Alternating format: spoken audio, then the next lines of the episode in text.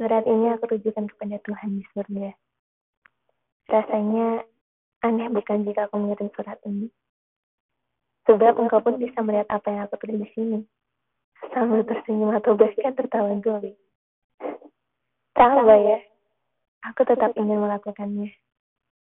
Tuhan, mungkin banyak orang mengatakan hidupku ini penuh dengan tanda tanya. Siapakah aku yang sebenarnya? Bagaimana latar belakang keluargaku? Seperti apa keseharianku? Maka aku akan menjawabnya di sini. Aku adalah gadis belia berusia 17 tahun.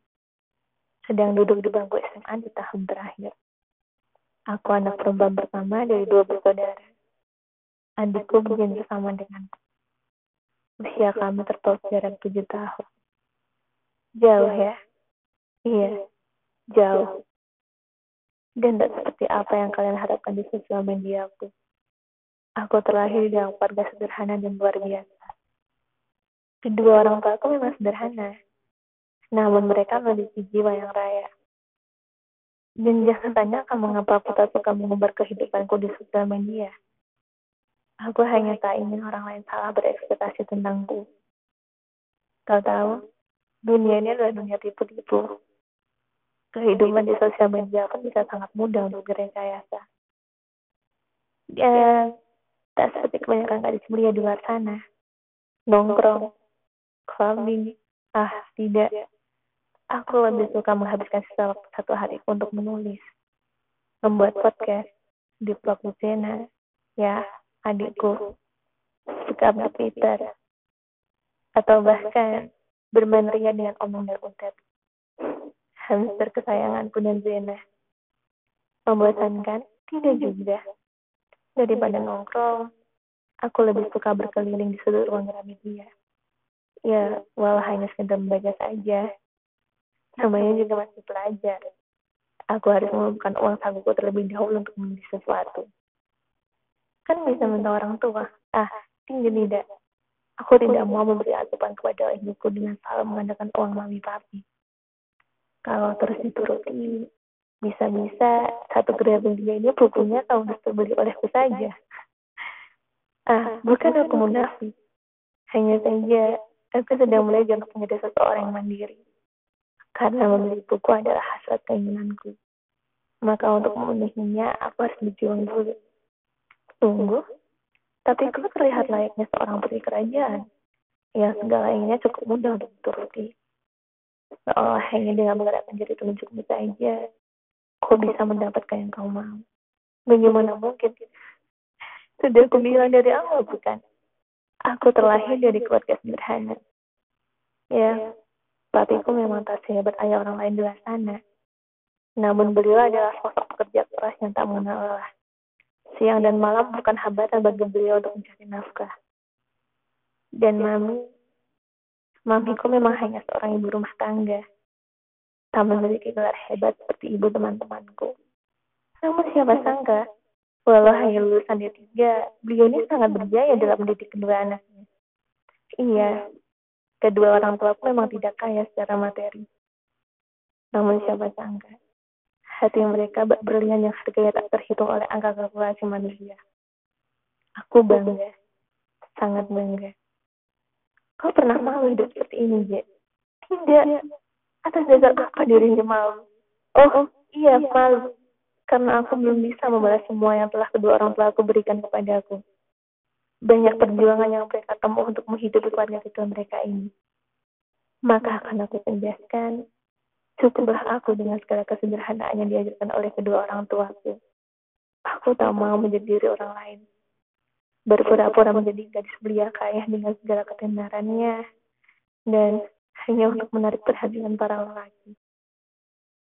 Walaupun hanya seorang gadis belia biasa, setidaknya aku memiliki otak yang bisa aku andalkan. Menjadi cantik saja tak cukup jika isi kepalanya kosong. Ah, tunggu, tunggu. Cantik. Bukannya aku melebih-lebihkan ataupun menyombongkan parasku. Karena pada dasarnya setiap perempuan itu memang cantik. Iya, cantik dengan keunikan dan ciri khasnya masing-masing. Jangan berekspektasi jika kehidupanku tidak simpel seperti yang lainnya. Aku juga pernah merasakan berada di posisi diasingkan, dianggap sebelah mata, tak memiliki paras yang menarik sehingga tak layak dikagumi dan dicintai. Aku sudah pernah mengalami itu semua. Dan sedikit cerita, setelah aku masih duduk di bangku sekolah dasar, aku adalah seorang anak perempuan yang tidak memiliki berat badan ideal. Kulitku mulai menghitam karena aku senang berlari-lari dengan teman-teman di tengah lapangan dan itu tepat di jam 12 siang. Karena itu bertepatan dengan jam istirahat kedua aku. Jika kalian berpikir, aku tidak pernah kesulitan dalam mengerjakan tugas atau ujian sekolah, kalian salah besar. Aku pun pernah mendapatkan nilai 20 mapel bahasa Inggris saat kelas 1 SD. Iya, sangat memalukan. Memalukan sekali. Dan itulah yang mendorong diriku menjadi aku yang sekarang. 20 Tahu mungkin sekarang saja kau jago speaking English. Ya justru itu, sudah aku bilang. Pengalaman adalah pembelajaran. Dan angka yang kau dapatkan bukanlah patokan kesuksesanmu.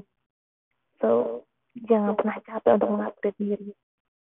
Dan jangan salah, walaupun aku lahir di tanah Jawa, kelas 1 SD memang masa-masa yang sangat suram untukku. Aku bahkan tidak handal dalam berbicara bahasa Jawa dan bahkan nilai bahasa Jawa aku mendapatkan angka yang sama dengan nilai bahasa Inggrisku. ya, yeah. kalian boleh tertawa soal ini. Ya, bagaimana ya? Memang keseharianku di rumah menggunakan bahasa yang campur aduk seperti gado-gado. Sedikit lagi Jawa, dicampur bahasa Indonesia baku. Ah, rumit deh. Bahkan, dulu pun, aku tidak bisa membaca aksara Jawa boro-boro aksara Jawa, bacanya aja nggak paham.